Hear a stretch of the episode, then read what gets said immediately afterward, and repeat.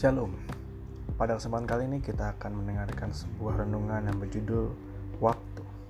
Bacaan diambil dari Amsal 29 ayat 15 sampai 18. Demikian firman Tuhan.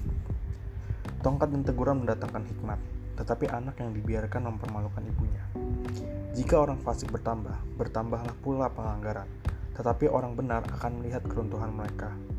Didiklah anakmu maka ia akan memberikan ketentraman kepadamu dan mendatangkan sukacita kepadamu.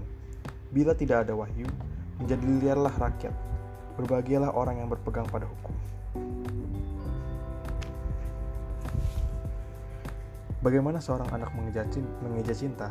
Ternyata bukan C-I-N-T-A, melainkan W-A-K-T-U. Tidak peduli kalau kita kerap mengatakan kepada mereka, Papa Mama sayang kamu, yang mereka pedulikan adalah seberapa banyak waktu yang kita sediakan bagi mereka. Apakah kita ada saat mereka membutuhkan kehadiran kita? Apakah kita ada saat mereka sedang mengalami kegagalan dan butuh dukungan? Apakah kita ada saat mereka terluka dan kesepian? Semua hal itu hanya bisa dijawab oleh waktu. Begitu anak mengetahui bahwa kita menyediakan waktu bagi mereka, maka mereka merasa dicintai dan dikasihi.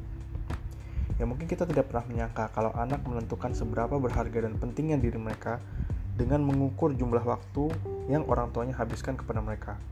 Sebab itu, setiap orang tua hendaknya menyediakan waktu untuk anak-anaknya. Tidak ada pengganti bagi waktu. Uang, mainan, barang-barang bagus, tetap saja hal-hal seperti itu tidak bisa menjadi pengganti waktu. Apabila, apalagi jika anak kita masih kecil. Sekali hilang, maka kita tidak akan bisa menebusnya. Akhirnya, semua berujung dengan penyesalan. Salah satu penyesalan terbesar yang kerap disampaikan orang tua adalah, saya dulu tidak menghabiskan cukup banyak waktu dengan anak saya ketika ia masih kecil. Jangan sampai kita kehilangan masa-masa indah bersama anak kita, sediakan waktu bagi mereka.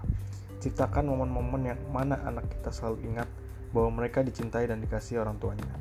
Jika mereka menyadari bahwa diri mereka dicintai, maka mereka akan memiliki gambar diri yang sehat, percaya diri, dan memiliki karakter yang kuat. Saya tahu bahwa sebagian besar dari antara kita adalah orang sibuk. Beberapa dari antara kita bahkan bisa memberikan apa saja kepada anaknya, kecuali waktu. Janganlah hal itu terjadi. Disiplinkan diri untuk menyediakan waktu bagi anak-anak kita. Bukankah anak kita jauh lebih penting dari itu semua?